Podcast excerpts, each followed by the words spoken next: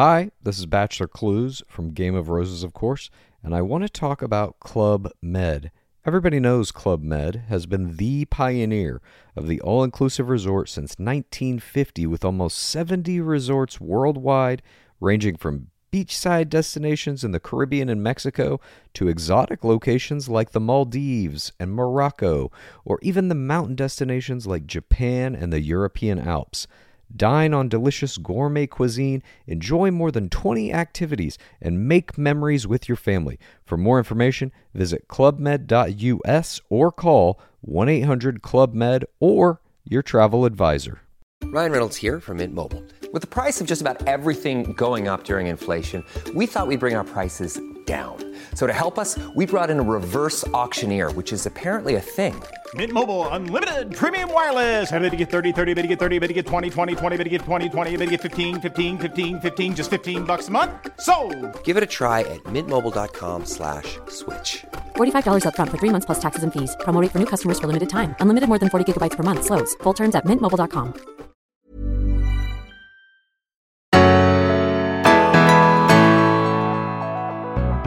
Hej och varmt välkomna till Berätta alltid det här. Jag heter Frida Boysam. Och jag heter Tilda Boysen. Ja, jag har någonting otroligt viktigt jag vill berätta idag alltså. Jag har en, en vän eh, som jag har fått äran att träffa flera gånger när jag har jobbat ute som talare och moderator runt om i Sverige. Det är en man som står på scen och tar med oss på en resa. Jag kommer ihåg första gången det här händer. Eh, han står där och tar med oss på en resa där vi alla förstår.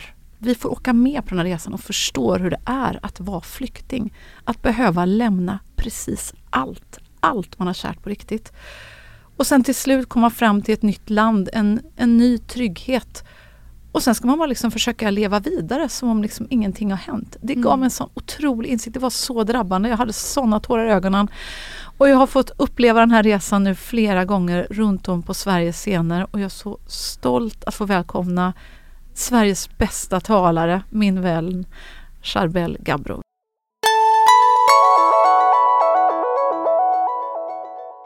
Välkommen hit.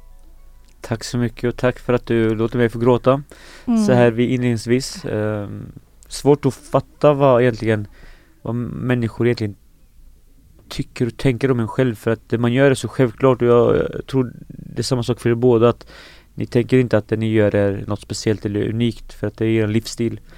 Men eh, ja, tack, tack så mycket Mm. för att tårarna får rinna här.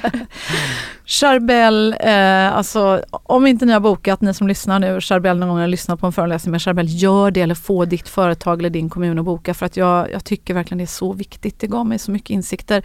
Charbel, du kom hit som fyraåring till Sverige. Kan du berätta om din resa hit? Vad Mm. hände när du var fyra år? Min mamma fick hjärnblödning eh, och eh, blev förlamad. Och i, i, i våra kulturer så är det inte att man får frågan Oj, vad har hänt? Eh, utan vad har du gjort för att förtjäna att bli sjuk? My, Mm. Mycket, mycket skuld. Oj. Och därav så, så flydde jag till Sverige för att mamma skulle få eh, möjlighet att, att överleva. Och tack och lov så lever hon än idag. Men hon är halvsidesförlamad eh, och eh, det tog oss till Sverige. Vi hade morbror som bodde här. Mm. Och då var det självklart att men okej, då åker vi till, till ett land som, som är bra för sjuka människor. Mm. Och där, vad, vad minns du av resan hit? Minns du någonting? eller ja, vad- ja, men jag kommer ihåg sista dagen i Syrien. Det var, det var, alltså hela byn var samlade runt omkring oss. Jag kommer från en väldigt stor familj. Mm. Jag brukar säga att jag har, eh, eller ja, liten familj, sex syskon och tre, 400 kusiner. Ja, de är många. De är Oj. väldigt många och man har inte koll på alla, man vet inte vad alla heter och så. Men Nej. Men hela, he, he- hela byn var samlad när, eh, och jag fattade inte vad det var. Jag kunde ver- verkligen känna sorgen någonstans i, eh, i luften. Och sen så satte vi oss i en, en bil. Eh, jag, min mamma, min storebror och en av mina systrar.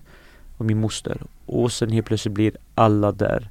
Mindre och mindre för att vi åker längre bort och längre bort. Och jag fattade inte vart vi skulle eller någonting. Mm. Helt plötsligt så landar vi eh, på svensk mark. Mm. Och så jag kommer ihåg sista dagen i Syrien och första dagen i Sverige. Och det är en resa på inte så många timmar egentligen men det är en resa som eh, som inte har varit dit alla gånger och som jag också vet inte är lätt för många andra människor heller. Mm. Så det är egentligen orsaken till varför jag eh, kom till Sverige. Mamma blev sjuk och vi ville till möjligheternas land där det finns, det finns eh, läkarvård som, som är jämställd.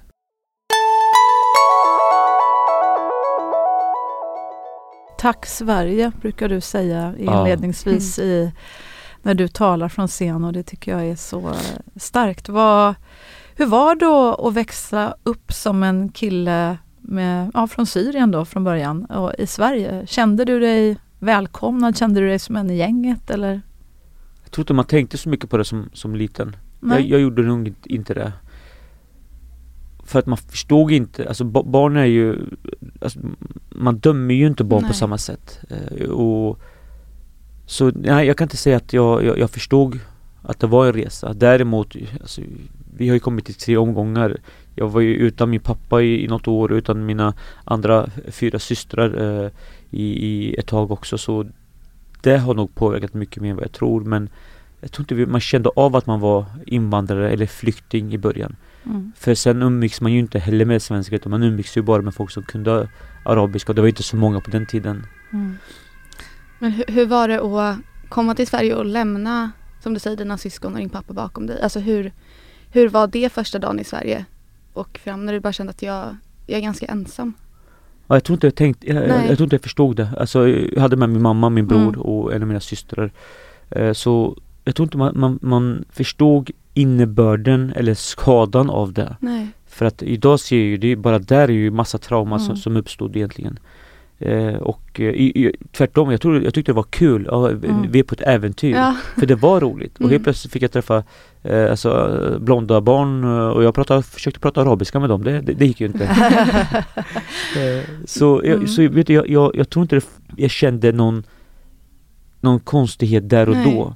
Mm. Däremot när jag går tillbaka till min barndom, Mm. alltså då ser jag ju ett ledsamt barn Mm. av många olika orsaker. Både anknytning till min mamma, alltså det är inte min mamma som har uppfostrat mig utan det är mina, det är mina systrar, eh, det är, det, Mm. det är min moster. Hon- Inte för att inte hon ville, hon kunde inte. Nej. Mm.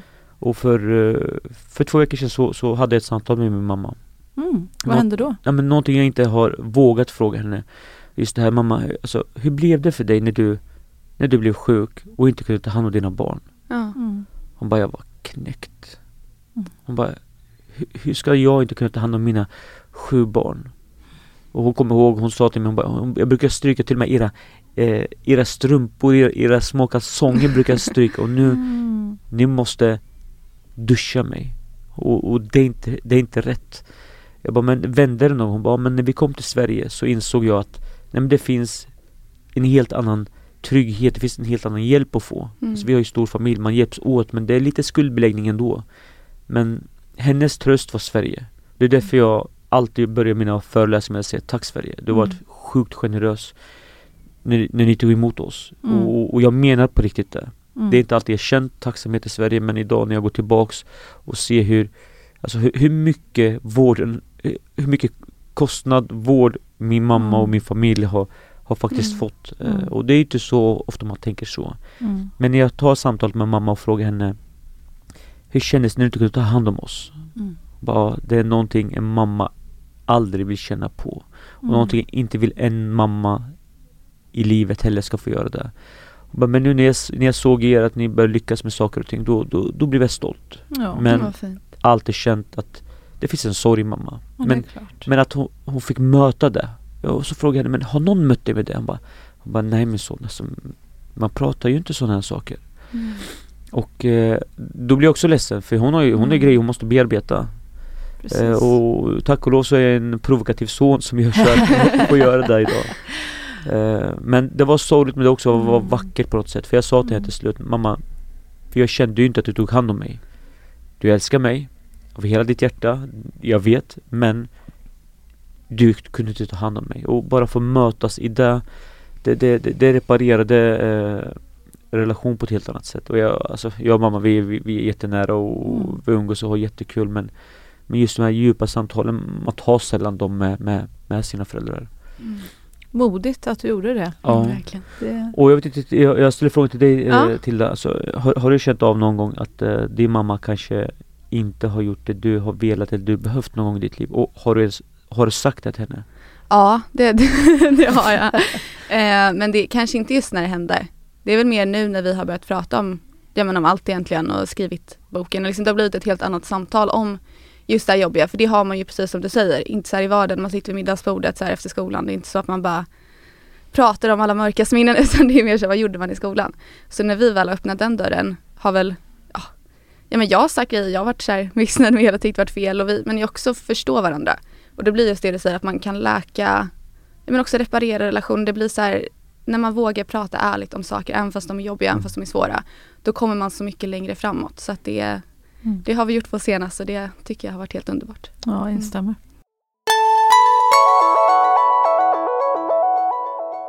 Alltså Charbel, eh, jag måste ju också fråga, du berättade senast igår när vi sågs på ett fullsatt cirkus för publiken om när du som liten pojke kommer till skolan. Du har en lärare som Mm. heter Birgitta, eller hur? Och hon, hon ser att det är, hon frågar dig hur, hur är det liksom Charbel? Är du hungrig? Och du, du säger till slut att du är det. K- kan du berätta hur, hur var det? För det här händer ju alltså i Sverige. Det händer ju idag också. Jag tror att det är många som inte tänker på det. Mm. Att det går omkring barn i vårt land och är hungriga. Mm. Och jag tänker, ta bort hungern av mat. Mm. Det är hunger av liv. Det kanske handlar ännu mer om. Faktiskt. Eh, och det har att göra med Alltså mat kan man få lite då och då, här och var. Men, men eh, bara någonting jag varit hungrig i, det, det är faktiskt livet. Och, och det menar jag alltså förutsättningar Mm. i, i livet. Det tror jag eh, har saknats så sjukt mycket.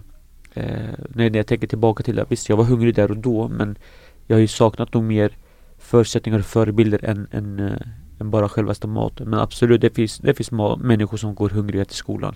Eller till jobbet, som Mm. vuxen också. Eh, framförallt i dessa tider där, där, där ekonomin står sjukt hårt. Mm. Eh, Och då tror jag som ledare, som lärare, som kompis till en förälder, vem du än kan vara som har kanske lite bättre ställt än vissa andra. Alltså va, våga vara lite obekväm eh, och i din fråga. Vad behöver du? Mm. Jag ser att det är någonting. Och, och det är klart människor kanske kommer säga nej, det, det är okej. Men på riktigt, eh, hur, är det egentligen? Mm. För människan vill dela med sig men kanske inte alltid vågar göra det för man vet inte hur andra ska bära sina, eh, si- Mm. sina, sina svar. Mm. Och det här vi behöver nog bli mycket bättre på. Att Mm. kunna bära andra människors svar helt avdramatiserat. För då tror jag vi hade haft ett mycket öppnare samhälle. Mm. Ja, absolut. Mm. Det har du 100% rätt i. Vad, vad var det som blev avgörande för dig när du var ett litet barn, kom till skolan?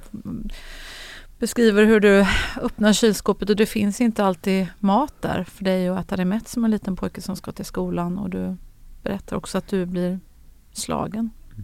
Hur, hur var det som barn att vara med om det? Nej men det, det kommer, det kommer låta sjukt det här men alltså, man visste ju inget annat. Nej. Alltså att, att, att bli Att bli agad eller, eller att få- en lavett här eh, Alltså det hörde till vi, vi visste ju inte att det inte var lagligt Mm.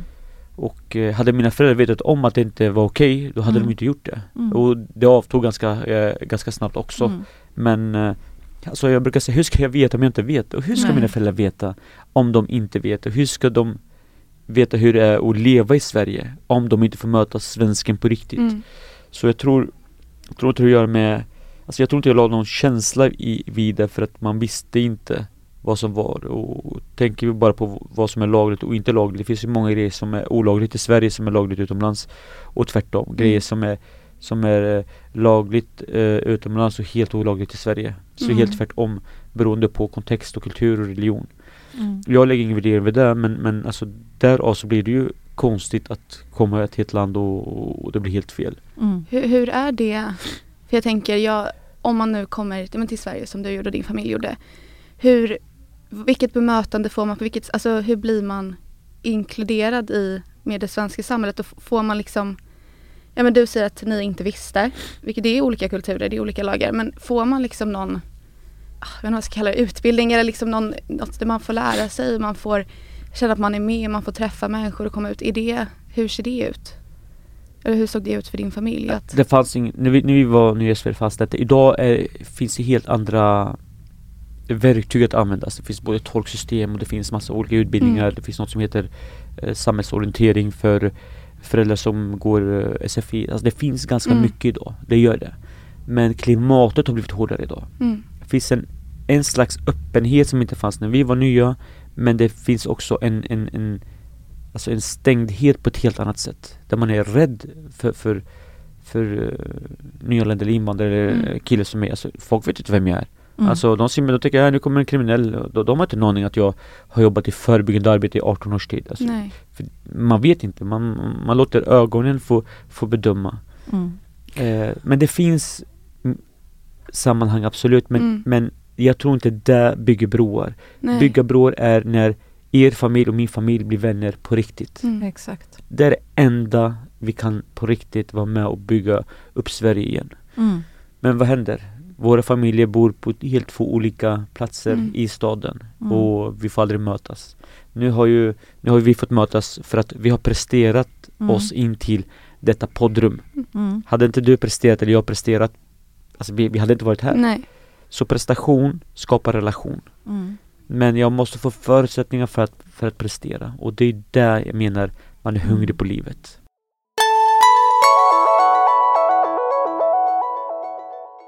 Berätta om ditt arbete och hur det kommer sig att du har engagerat dig så mycket. För jag vet att du gör så många olika spännande saker. Du, eh, du bor ju i Norrköping, eller utanför i skogen säger du. och, och jag vet att du eh, har grupper där du bjuder in eh, unga killar och män. Eh, vad gör ni i de här grupperna? Berätta, vad är det som ligger bakom det? Vi möter Kärblarna Charblarna, Ja, vilka ett- är det? Det är så många fler än bara mig.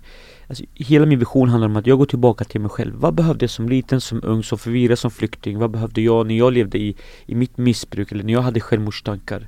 Alltså vad behövde jag när jag levde i, i, i mitt mörkaste, min mörkaste tid? Och idag, i och med att jag har en plattform, i och med att jag, jag får göra någonting fantastiskt Mm. så kan jag också ge tillbaka till det. Och därav så har vi eh, eh, skapat en samtalsmetodik där vi lär unga grabbar att sätta ord på tankar och känslor. Mm. Inte genom att ställa massa, inte genom att ge massa svar. Utan bara ställa frågor till människohjärtan. Och men också kunna bära deras svar. Och det är det här som blir det fina i, i ett samtal. Att bära andras svar utan att döma. Utan låta människor få verkligen tycka och tänka och känna vad som finns. Utan att lägga en stämpel på dem. Men det slutar inte där utan vi försöker göra människor sårbara för att sen i sin tur göra de här grabbarna modiga. Och därav blir de bättre män, bättre partners, bättre föräldrar så småningom. Hur går det till när man eh, hittar dig i en sån här grupp? Var, var nej, kommer men- de här killarna Ja, ifrån? nej men det, vi, vi gör uppsökande arbete i och med att jag, jag föreläser väldigt mycket i, i skolor runt omkring i Sverige. Eh, men också framförallt i Norrköping så är jag alltså, offentlig person. Mm. Folk, folk vet vem man är och därav så så, ja, så, så låter vi någon komma, ta med sin kompis. Mm. Eh, vi, vi Mm. ordnar också läxhjälp. Samma grabbar eh, får hämta sin skoluppgift om det är att de vill plugga körkort eller om det handlar om att de ska eh, få eh, godkänt på något betyg eller F Mm. eller A. Så, så kommer de in eh, och samma sak, vi kör metoden först och sen hjälper vi dem. Mm. Eh, och, och varför de ens kommer har att göra med att de ser sig själva i förebilderna som kommer dit. Vi har massa Mm. ungdomsledare som, som är med och stöttar. Men det slutar inte med att vi hänger i bara massa eh, invandrargrabbar, tvärtom. Utan vad jag gör är att jag bjuder in människor från näringslivet eller offentliga personer som kommer dit och, och där får världar mötas. För det är där vi behöver göra. Mm. Inte bara hänga i våra subgrupp, subgrupper för att till slut så kommer det bli destruktivt. Oavsett om man gör förebyggande arbete. Vi Mm. behöver beblanda oss. Så är det.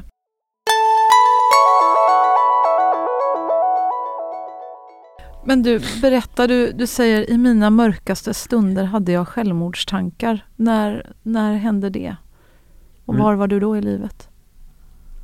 Ja, men jag, ja, från 20 till 23 tror jag så mådde jag som allra sämst. Eh, och det har att göra med att jag flydde nog mm, det destruktiva som fanns runt omkring och det handlar mycket om utanförskap och, och kulturkrockar som man inte kunde sätta ord på. Alltså, Mm. Ingen har pratat med mig om att det är en kulturkrock utan jag har trott att, eh, att svenskar är rasister, att Sverige hatar mig Mm. och jag har inte blivit förstådd hemma eh, Mm. för min kultur, för att mina föräldrar har varit kvar i, i sin flykt i, i Syrien med sina rötter eh, begravda eller nedgrävda i syrisk mark. Mm. Medan mina rötter växer upp här och en person eller en växt som inte har starka rötter kommer till slut vissna och bli egentligen en tickande bomb. Och det var vad jag var.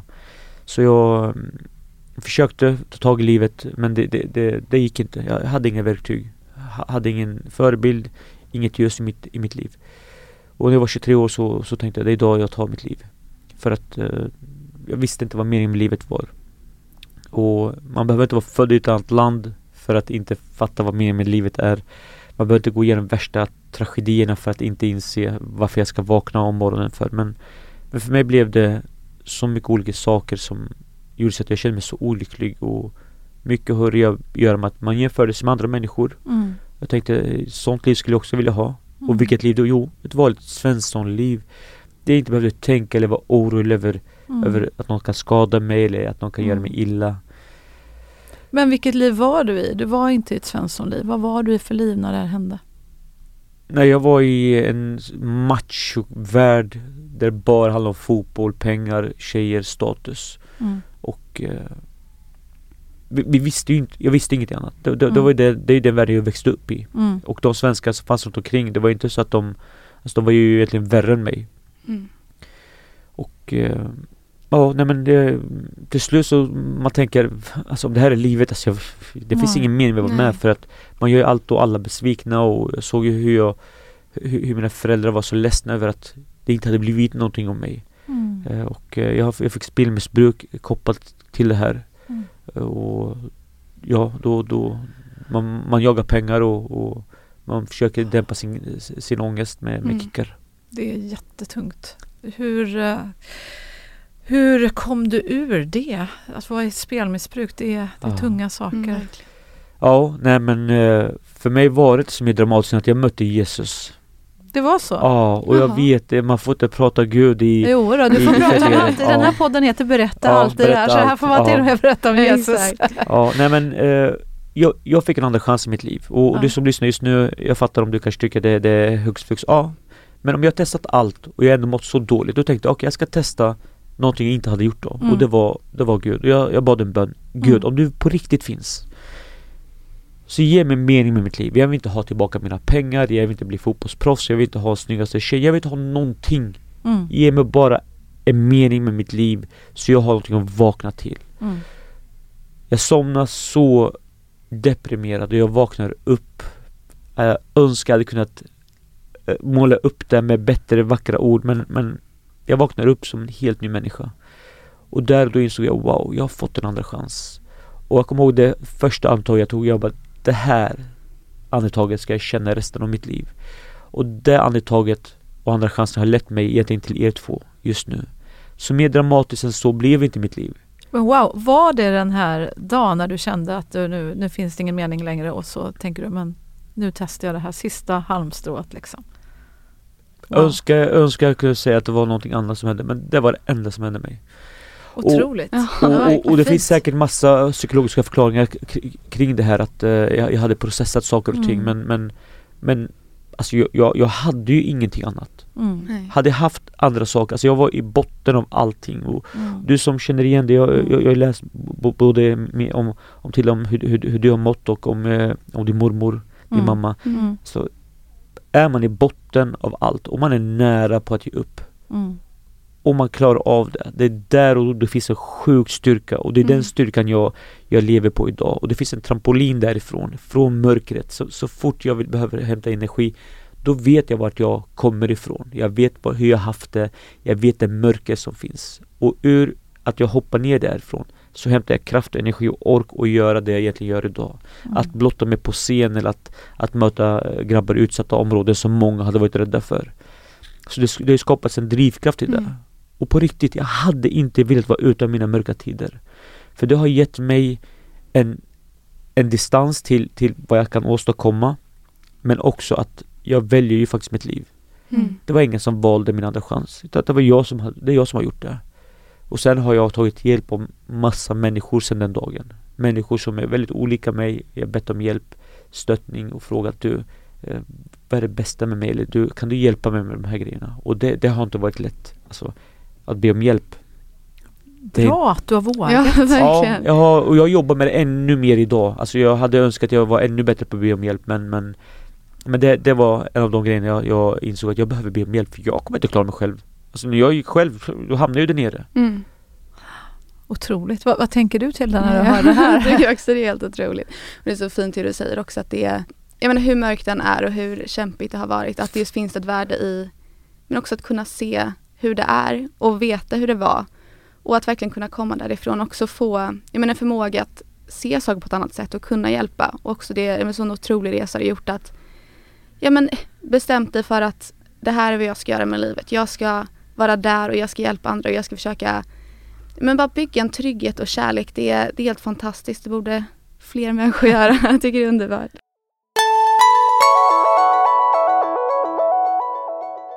Charbel, eh, om vi ser på hur det ser ut just nu i Sverige eh, så har det ju varit vi, varit vi är mitt i skakande tider. Vi har pratat väldigt mycket såklart om de fruktansvärda dåd som sker i Sverige nu. Mm. Det är väldigt mycket gängkriminalitet, väldigt mycket skjutningar. Och jag antar att de här människorna som hamnar i de här kriminella kretsarna, nu har jag inte pratat med någon av dem som varit inblandade i de här sakerna, men att det handlar i grunden om, från början antar jag, om utanförskap, att man inte är Mm. inkluderad.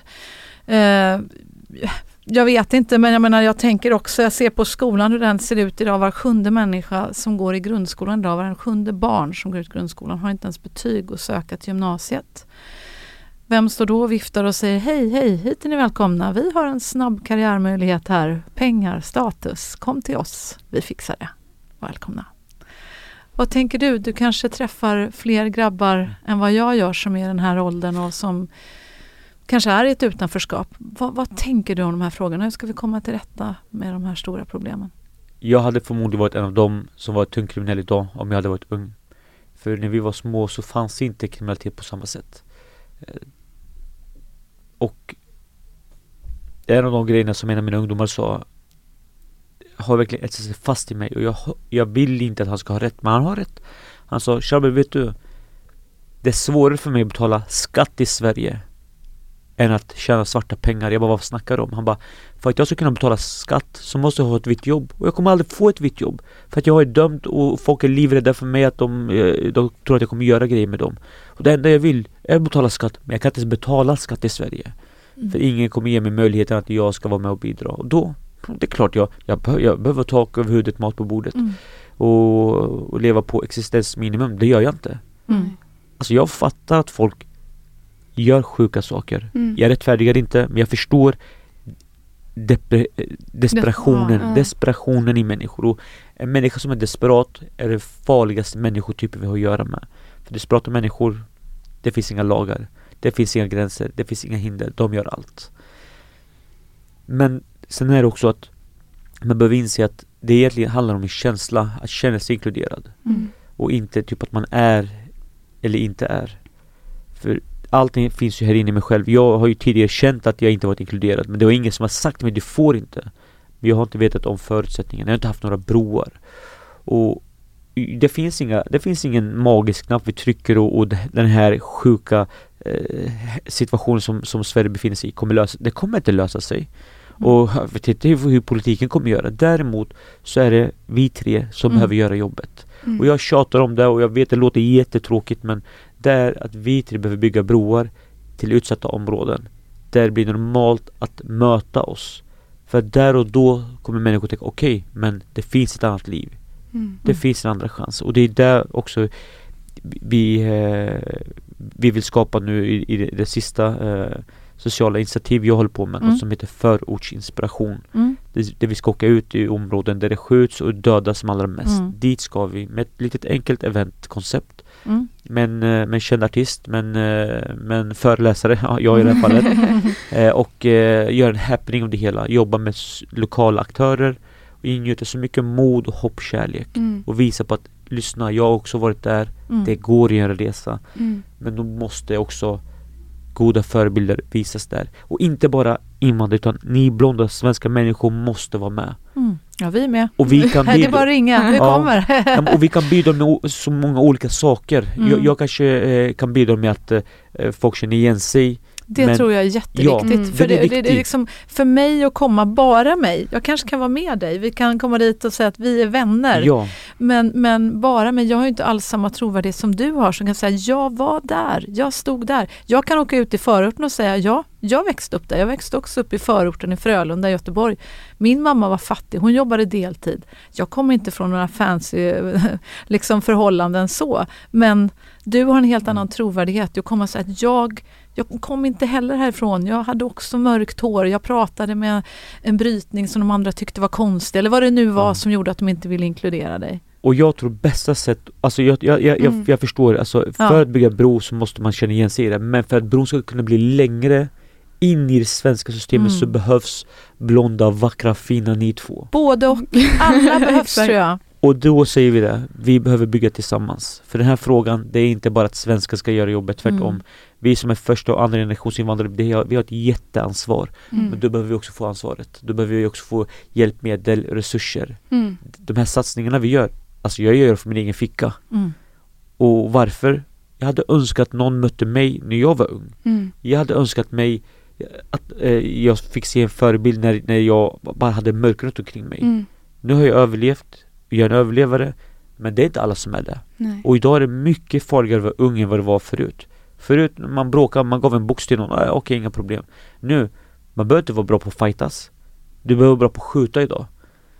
Och så stor har det blivit, så Mm. stor är skillnaden och därav, enda som finns, bygga medmänskliga, kärleksfulla broar. Och Mm. då behöver den, den etablerade svensken som befinner sig i finrum ut till förorten. Mm. Finns inga andra lösningar. Jag har en fråga. Du, när du var i det här mörkret, finns det någonting du men skulle vilja, ja men några ord eller någonting du när det var som absolut längst ner och kände att jag vet inte ens vad meningen med livet är längre. Är det några ord eller någonting du hade velat höra då som kanske hade gjort det lite lättare just då? Inga, kly, ingen klyscha i alla fall. Nej, nej, bra. nej, nej, jag hade, nej men alltså ni vet ju själva eh, alltså, hur det är när man inte mår bra och någon ska komma och säga ja, du är Mm. perfekt, käften på det. Mm. Jag känner, det sista jag känner mig perfekt. Mm. Däremot så hade jag behövt blivit träffad i mitt hjärta. Mm. Så det jag gör på scen, nu, nu Frida du har Mm. varit med några gånger, alltså jag blottar mig så pass mycket att och visa min sårbarhet Mm. för jag har insett min retorik handlar om att låta andra känna sin egen sårbarhet genom min sårbarhet. Mm. Och där tror jag hade behövt göra och det är därför också vi ska åka ut i utsatta områden och göra de här grejerna. Mm. Beröra, öppna upp människohjärtan för då då kan man lägga in vad som helst i deras hjärna, vilka ord som helst. För då är man redan öppen för, sak- Mm. för saker och ting. Mm. Eh, så svar på din fråga, jag hade inte velat höra något. Jag hade velat Nej. att någon visar mig någonting. Mm. Mm. Och visar mig sitt hjärta eller kanske våga stanna kvar och inte vara rädd för en eh, destruktiv, jobbig snubbe som mig. Mm. Mm. Ja, det ligger mycket i det där. Det, tror jag du kan känna igen också till lite på ett sätt också när du står absolut. också. Du har faktiskt också börjat ställa dig på, på scener och tala just det här och Ja, det, berätta om när det har varit som allra mörkast. Man märker Mm. ju det att det kommer fram människor och det blir det blir ehm, det blir starkt när man delar med sig. Mm. Det, det, det är en bra start. Att våga själv först, våga blotta sig för att andra ska våga blotta sig. För när ni blottar er, vad händer i er publik då? Mm. Ja, man får ju det tillbaka.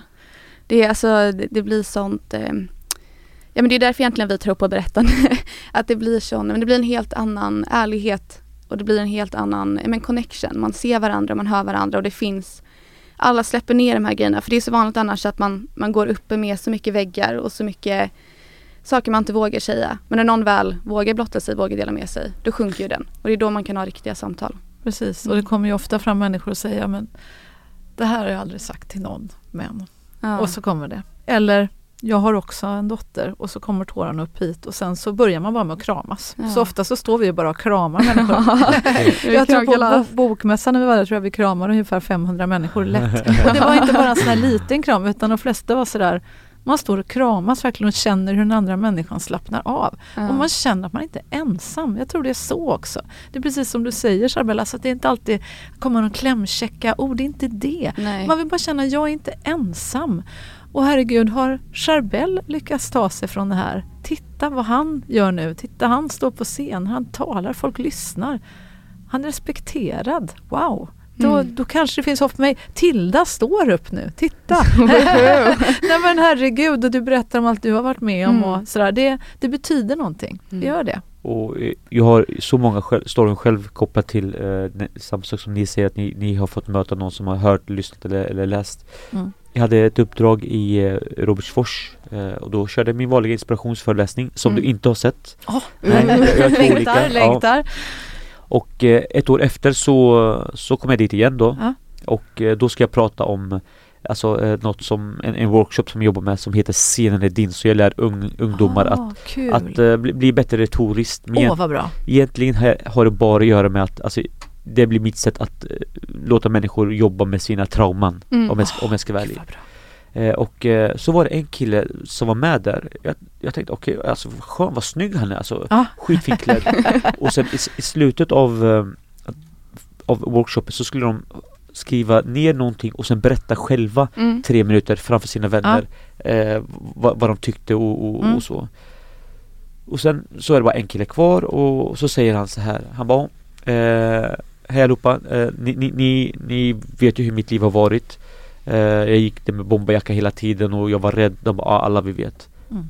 Jag vet ju inte vem det här är som sagt. Mm. Han bara, men för ett år sedan så Eller för ett tag sedan så Så säger läraren att vi hade Det är ingen vanlig lektion idag utan vi har någonting annat. Så han bara, okej jag ska inte skolka. Så jag gick dit.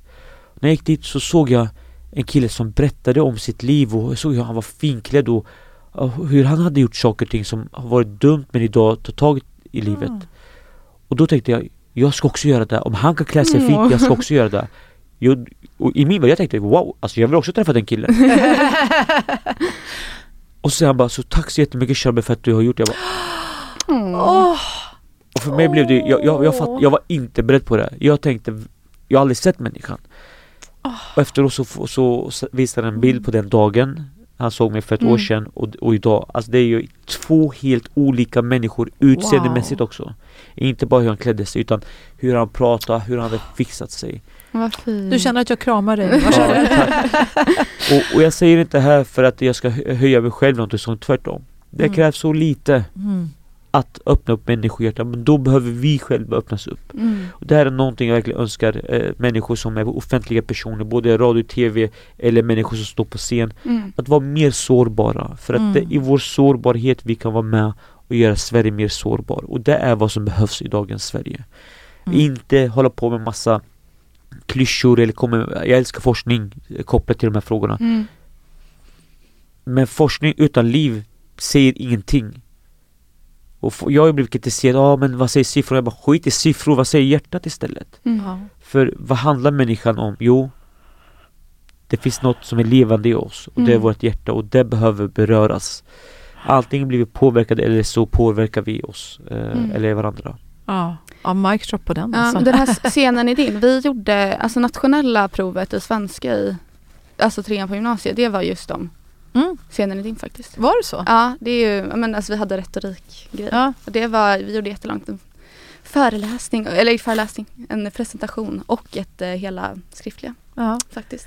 Men, men jag Ja. tror att eh, alla skulle behöva det. Mm. Att, att ha en röst är ju också makt. Ja, verkligen. Mm. Så är det. Det berättande gör skillnad och jag, jag tänker också att att, att berätta någonting det är ju som sagt också att bearbeta för sig själv och Mm. också ge andra en chans att förstå var man själv står någonstans. Mm. För scenen blir min psykolog, min terapeut, Jag håller med. min Mm. medicin. Utan scen, jag hade inte varit vid liv idag. För det blev mitt sätt att bearbeta saker och ting. Mm. Visst, mitt liv vände men alltså Det blir inte bra för att bara för att jag Jag vill någonting utan jag måste också göra någonting så hade, Alltså jag har fått bearbeta så mycket grejer och jag har kommit ihåg så mycket grejer Birgitta, jag kommer inte ihåg henne Nej. förrän jag fick en fråga Vilka var din favoritlärare? Och då just det Birgitta, Mm. vad gjorde hon? Ja, hon gav mig två Ja. knäckemackor Så jag, jag, jag, det är mycket grejer jag kommit, eh, Mm. jag kommit på i Exakt. efterhand när jag stått där på scen. Men hur hamnade du på scen Charbel? Det måste du berätta. Ja. Så att andra kanske kan lyssna och tänka, Ja. ah det kanske jag också kan göra. Nej men jag är en socialarbetare egentligen som har fått eh, scen som plattform. När jag, när jag började jobba med ungdomar så ville de veta vem jag var och då blev jag intervjuad första gången, det här var 18 år sedan. Mm. Och jag fick en blackout för jag kommer inte ihåg vad jag sa, jag fattar ingenting, jag har knappt gått ut skolan, jag var inte bra på svenska. Eh, jag kommer inte ihåg vad jag sa men jag vaknar upp av en Ah. applåd. Och då hände någonting Mm. i mig. Första gången jag får en applåd utanför fotbollsplan och då insåg jag wow, jag, jag kan ha någonting att bidra med. De här ungdomarna gick hem och sa till sina föräldrar, ja ah, det finns en kille som har förändrat hela sitt liv och eh, Mm. han borde ni träffa. Och då, då ville deras, förä- alltså ungdomarnas föräldrar höra mig. Så fick jag Mm. eh, alltså, ge mitt vittnesbörd, jag fick berätta min berättelse. Eh, och så var det en man eh, som var eh, rektor på en skola, han bara Vilken fin retorik du har. Jag bara Vad är retorik? Visste inte vad det var. Och det gjorde jag i tio års tid ideellt så åkte jag runt till skolor, föreningar, fotbollsdag, kyrkor och jag bara berättade om mitt liv. Ah. Hur det var att leva mörker, hur det är att leva ljus idag. Och jag visste inte att det var ett jobb. Så under tio års tid med min bil, min tid, min bensin, jag bara åkte runt överallt och jag älskade det och jag bara gav och gav och gav. Ah. Men vad jag hade gjort var att jag hade kört tio års försäsongsträning egentligen. Det är bra träning Och du idag. som är fotbollsspelare, Ja. ja, precis. Och jag visste ju inte för att ingen har sagt det här är ett jobb. Och så fick jag 500 kronor typ för åtta år sedan. Jag bara nej jag vill ha pengar. Alltså jag, vad ska jag ha pengar om mitt, mitt ruttna liv? Mm. Jag bara jo men ett arvode, vad är arvode för något? Min, mina Ja. föräldrar är inte vux, uppvuxna med, med några inspirationsföreläsare. Och då googlade jag, kollade upp av alltså, föreläsare och där såg jag Christer Olsson, Christer Olsson. Torkild, Frida och hela gänget. Jag bara wow, Ja. som de vill jag bli när jag blir stor. Men då gick det väldigt snabbt för att jag Mm. hade redan gjort mina 20 000 timmar. Det, det Eh, hade du. Du så- blev väl utsedd till årets genombrott eller något sånt där, var det inte så? Ja men 2018 Ja. årets genombrott och sen eh, står och talarpriset 2019. Ja, bra marscherat. Ja, ja, Ja, men, grymt ja jobbat. tack. Och, Ja. och grejen är så att jag visste inte så att de här grejerna fanns. Mm. Jag, jag blev så sjukt överraskad. Jag kommer ihåg när jag eh, fick nomineringen. Så läste jag så här, vilka är med? Ja, det var Greta Thunberg, Jonas Gardell och Ja. Christer och alla. Jag bara, så inbillar jag mig, tänk om mitt namn också är med någon dag. Så kolla, så, blir, så är det så här svart. Alltså ni vet man blir taggad själv. Jag bara, Mm. Ja. jag bara vad gör han där? Jag bara, det är jag. Jag bara, mitt namn är med. Och jag, alltså, jag, shit vad jag grät. Alltså bara nomineringen. Åh, ja, det är stort. Greta Gud, kom tvåa och ni vet vem som kom etta. Ah. Eh, ja, det är grymt Ja, jag- jag är Vilken grej. Helt Ja, otroligt. verkligen. Mm. Ja, men det, där hoppas vi att fler följer i dina fotspår Alltså, för det behöver ja. vi. Men Charbel, du är ändå runt idag och talar för Ja, på de våra största scener för um, näringslivschefer, uh, styrelseledamöter. Minister satt i, i publiken igår, skolministern uh, satt på första raden. Eh, vad, vad tycker du? Du har, du har sagt att lösningen är egentligen ganska enkel på våra problem. Den ligger där framför oss. Vi behöver egentligen kanske inte mer forskning. Det är bara att göra. Åk ut där. Börja blotta dig själv, våga vara sårbar. Gör vi det? nej. Det gör vi inte. Och jag tror inte heller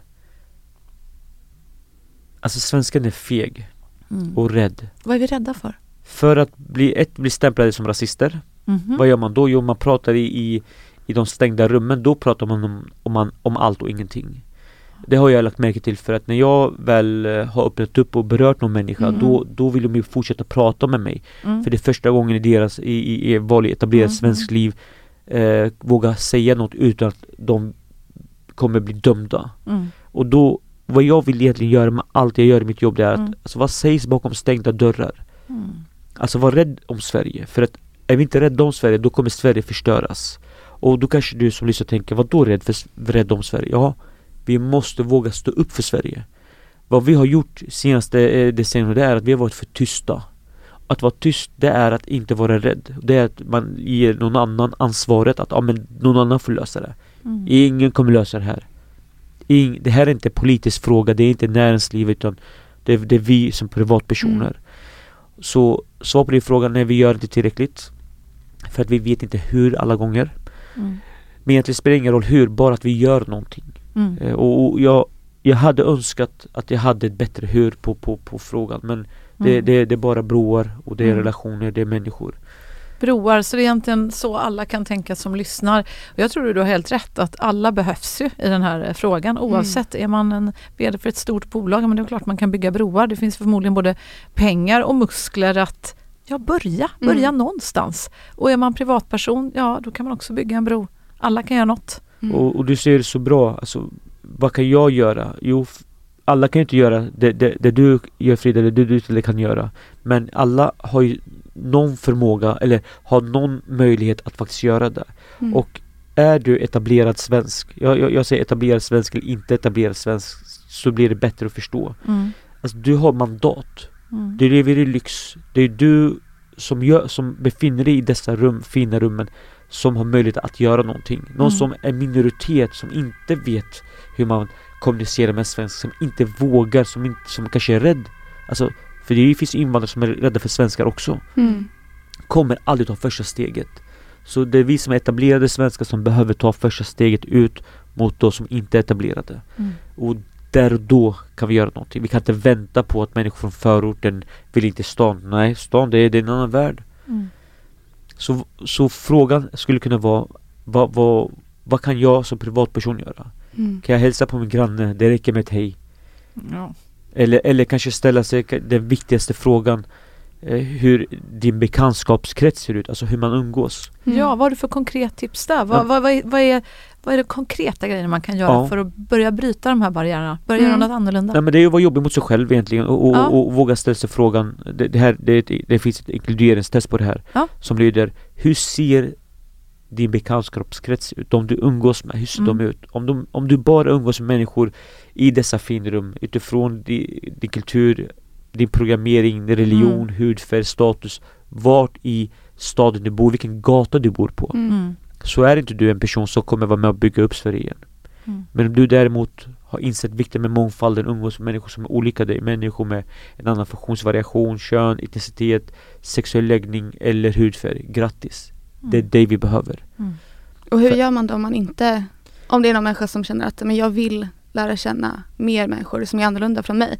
Hur gör man det? Ja, och här är också en ganska svår grej, för det går inte Ja. bara att knacka på, jag, Nej. jag, jag sagt knacka på bara, men jag tror att det räcker med ett hej Mm. till någon person som är väldigt olik dig. Det, det börjar där, och det ena kommer leda till det andra. Mm. Sen kanske också att våga hänga med människor som är lite irriterande. För där tror jag det finns en rikedom i lärdom. ja. Och Mm. det är därför jag älskar att hänga med din mamma vet du. Ja, jag förstår Ja, det. precis, jag såg det. Här. Nej jag skojar. Mm. Nej, men, eh, och, och, och våga utmana sig själv. För nej, alla kanske inte kan hänga i förorten. Nej. Och det behöver vi inte göra. Mm. Men kan vi göra någonting avvikande annorlunda utifrån vad vi alltid har gjort i kopplat till den här frågan? För eh, alltså, ni vet ju själva, man, man Mm. säger citatet för att få ett annat resultat måste göra någonting annorlunda. ja. Mm. Samma sak är i hur vi umgås. Vem, vem, vem sitter jag med i, eh, i eh, fikarummet? Bara med de jag brukar hänga med? Mm. Eller har jag någon gång gått satt mig med de ukrainska gänget eller med Ja. Indien eller med Mm. Pakistan eller Syrien? Ja. Det, det, tyvärr, man, man hänger där man är bekväm i. ja, Mm. det är himla dumt att vi funtade så. Och det är Eh, människan, det är inte svenskar nu. Nej, det är Så människan speciella är vi inte svenskar. sett. Nej, Det är människan i ett nötskal. Ja. Men har du någon utmaning där? Det brukar vi ju köra varje måndag, veckans utmaning. Men du kanske har en förutmaning? För Det här, du säger ju det, våga vara med någon som du inte redan är med. Är det något konkret man kan göra? Ska man så här luncha med någon man aldrig har lunchat med förut? Eller hur? Ja. Ja. Lunchar med någon du stör dig på. Ja, Och bjud gärna på lunchen också. ja, det är bra. Nej, men, Ja, det är jag, underbart. alltså bjud, bjud upp och det behöver inte vara alltså, att man behöver lägga massa tid på det utan alltså Mm. hälsa på din granne som Mm. kanske är svensk. För det finns ju ett fenomen i Sverige, man, man pratar inte med sina grannar. Vi är ganska bra på vi, det. Ja, precis. Ja men ni är ju konstiga, det är Ja, något fel på er, det vet ni. Ja, precis. Så jag tror inte man behöver göra värsta grejen av det hela. Nej. Men tänka lite mer inkluderande. Eller tänka, men alltså hur hade jag gjort? Mm. Och, och jag utgår alltid från hur hade jag gjort? Jag tar ett annat exempel Mm. där eh, jag skulle precis ta på mina, mina skor och så ramlar ett paraply på mina fötter. Mm. Och jag blir irriterad. Jag tänkte vem har placerat paraplyt där? Det var jag som hade gjort det. Men man, man, man blir irriterad på allt och alla. Och så tänkte jag men jag ska kolla vä väderleken. Alltså, så jag kollade min app. Jag bara, ah, det kanske ska regna. Jag tänkte jalla, jag tar med mig mitt paraply ifall att. Så går jag ut Det regnar inte. Och då blev jag besviken. Mm. Alltså vilken inbillare jag är. Vadå ta med mig mitt paraply? Jag har aldrig gått med ett paraply. Jag vet inte hur man går med den. Jag har aldrig gjort Du det. bara snavar över det hela tiden. Ja, Ja, men sen helt plötsligt så ösregnade det och jag tänkte vilken tur att jag hade med mig mitt paraply så jag drog upp den, siktade sig med stolthet, Ja, jag det är bra. flashade och så var det ett rödljus längre bort, ser man, han är dyngsur Mm. och jag tänkte, ah, det är tur att inte jag är honom alltså Men då kom den här tanken Om jag hade varit honom, Mm. vad hade jag velat att en man en kvinna bredvid mig hade ett paraply? Jo, jag hade faktiskt velat att de skulle låna ut den bara någon sekund när jag stod där. Alltså bättre att bli mindre blöt än jätteblöt. Mm. Obekväm som jag är, Mm. ställer mig bredvid honom, bara la upp paraplyt över honom. Han blir helt chockad, så här, eh, kollar ut, vad händer? Kollar upp. Han ser ett svart paraply. Han kollar på mig, möter min blick, tar bort sin plupp från örat och säger Mannen, du förändrar min värld för en delsekund. Och så gick vi där, snackade lite och, och han bara alltså på riktigt, jag känner mig så älskad och varm. Vad fint. Tack för att du gjorde det här. Han drog, jag drog, gick upp till, ett möte, berättade. De bara wow, alltså att det krävs så lite Mm. och så lite krävs det. Att göra någonting som kanske inte människor räknar med. Och jag, jag när jag, när jag går upp till, alltså när jag, när jag ska uppdrag, alltså jag, jag blir jättebra behandlad, alltså jag blir Mm. behandlad som en kung. Och då tänker jag, vem, hälsa, vem ska jag hälsa på? Jo, jag hälsar på de som inte förväntar sig att stjärnan ska hälsa på dem. Mm. Gärna städ, de som jobbar som städare eller eh, någon person som är utanför. Och vet du vad som händer? Berätta. De känner sig speciella och tänker va? Vem är den där finklädda mannen som hälsar på mig? Och helt plötsligt, alltså jag, jag ser hur, hur de börjar räta på sig Ja. Mm. av ett hej. Och jag är ingenting. Det är inget speciellt med mig eller med någon av oss här. Nej. Men vårat hej blir speciellt för någon annan människa. Mm. Så att, att göra någonting avvikande, inte hälsa på människor man känner, för det, det, är självklart, det är klart jag är fin mot dig. Men hur fin är jag mot folk som egentligen behöver Mm. någon som är fin mot dem? Mm. Det är kanske min uppmaning till, till, till folket. Mm. Mm. Ja, I love it. Ja, jag försöker verkligen också säga hej till alla och Mm. försöker vara schysst mot alla. Alltså svårare är det väl Nej. inte. Göra den lilla, lilla grejen. Man vet ju aldrig vad det betyder. Nej, verkligen. Alltså- Och ha lite mer öppet hjärta. Ja, ja precis. Och sen måste jag säga, alltså jag, jag vet inte vad, vad de här senaste dagarna, vi, vi brukar ju ibland i den här podden säga det här, hur mår du på en skala 1 till 10? Mm. Och alltså, eh, som i, i fredags så ställde jag den frågan till några personer som jag bara träffade på sådär i lunchkön. Någon tjej som jag känner som något affärsbiträde i, i en affär lite grann som jag brukar gå i. Men jag känner inte henne egentligen. Stöter på henne i ett helt annat sammanhang. Säger hur mår du på en skala 1 till 10? Hon bara Ja, jag vet inte ens om det är ett eller två. Och jag bara, men du, hur är det? Så här, vill du ha en kram? Ja.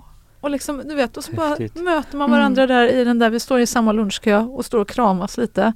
Och så kommer det en berättelse om, om hennes barn som inte mår bra och som har Ja, har det jobbigt helt enkelt. Hon berättar lite om det och, och jag bara, ja men jag förstår dig och du vet, Mm. det, det blir bättre och du tar väl hand om det och finns det någon du kan prata med och du kan prata med mig fler gånger liksom. Och, alltså det, Mm. bara som du sa också, hur är det egentligen? Alltså, men den där skalan 1 till 10, Mm. den är bra. Folk Ja, men verkligen. säger en siffra och sen är man igång.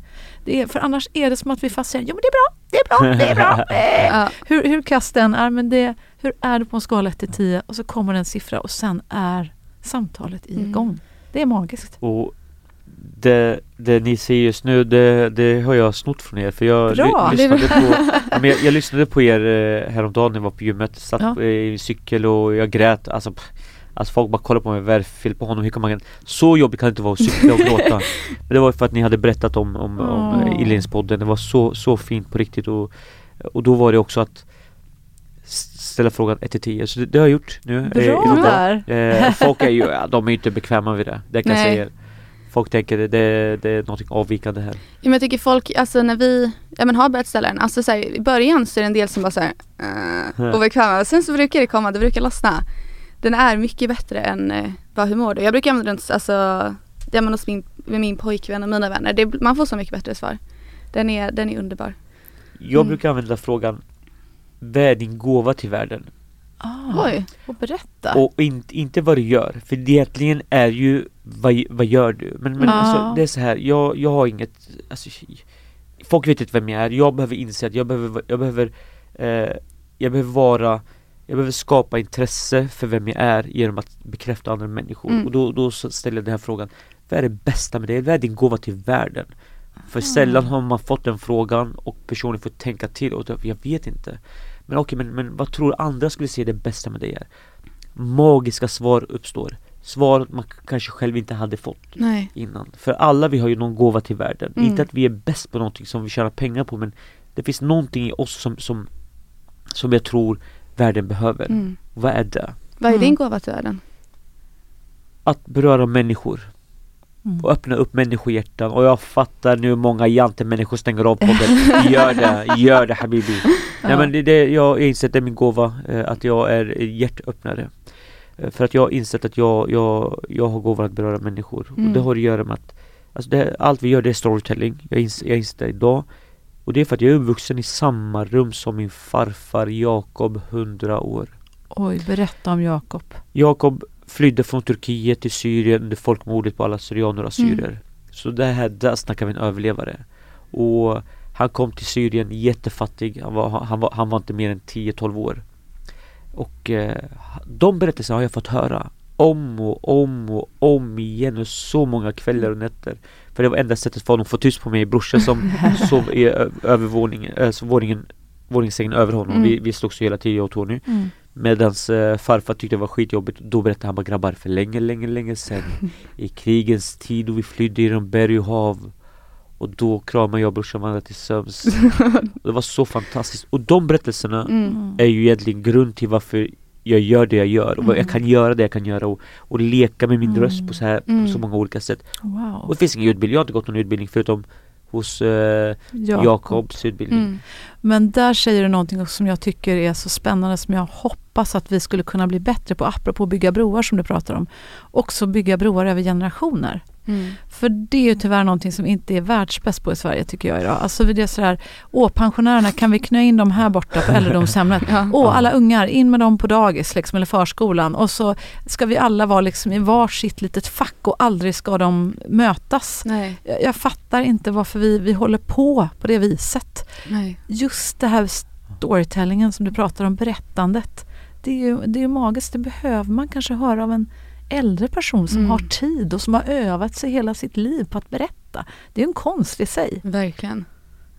Nej men ni ser det bra för alltså bara att, att se er två hänga Ni må vara mor och dotter men att ni ändå gör det ihop Alltså fatta vilken rikedom det finns till så många olika generationer Och jag har insett det Så idag jag hänger med, gärna med 70-åringar men också med 19-åringar Ja, För att jag har att lära mig av båda världar exakt. Och eh, det, det, för mig är det självklart att umgås med, med alla åldrar för att det, det, det är så vi umgås Mm. eh, rent familjärt Medan i Sverige, väst, vi är individuella så mycket Ja. så känner att vi inte av mamma eller dotter. Nej. och därav så uppskattar man inte eh, historia eller tradition eller, eller eh, saker och ting som Mm. finns som lärdom. Mm. Mm. Och jag tänker tvärtom, alltså om någon har levt i 70 år, alltså Mm. fatta hur mycket Jag facit jag kan få. Verkligen, visdomar. Men det är väl något överlag, det hör ju samman med, ja men lite allt att vi men det är väl att man är bekväm ofta. Det här med att man hamnar i olika grupper oavsett om det är vilken man är med eller vilken ålder. Att man, man inte vågar eller inte orkar testa liksom något nytt. Testa att träffa människor som inte är exakt som en. Men det är ju precis som du säger, det finns så mycket att lära sig av alla och få men andra syner på livet och få träffa alla och höra historier. Det, är- det är så värdefullt att faktiskt få ja, men en, en större världssyn egentligen och inte bara vara fast i sin egen lilla bubbla liksom. Mm. Ja, word på det.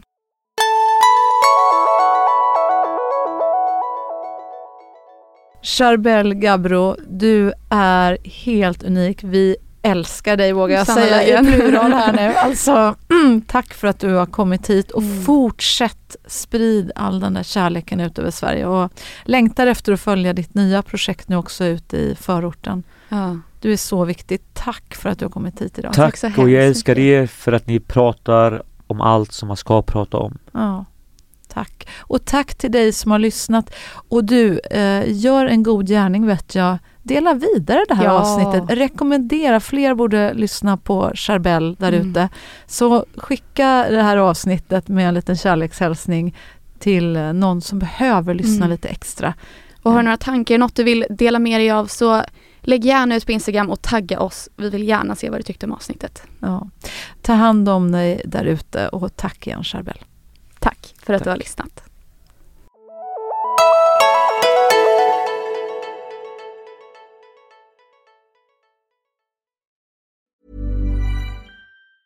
Hi, I'm Dori Shafrir. And I'm Kate Spencer. And we are the hosts of Forever 35. And today we're talking about Club Med, the best all inclusive getaway for families. Today, Club Med has nearly 70 resorts worldwide, from beachside resorts in the Caribbean and Mexico to magical locations in the Maldives and Morocco to ski resorts in the mountains from Canada to the Alps. Between their all inclusive family programming, wellness offerings, land and water sports, and their French heritage inspired food and drink offerings, Club Med is the best way to elevate your family getaway, no matter which location you're at. To learn more, visit clubmed.us.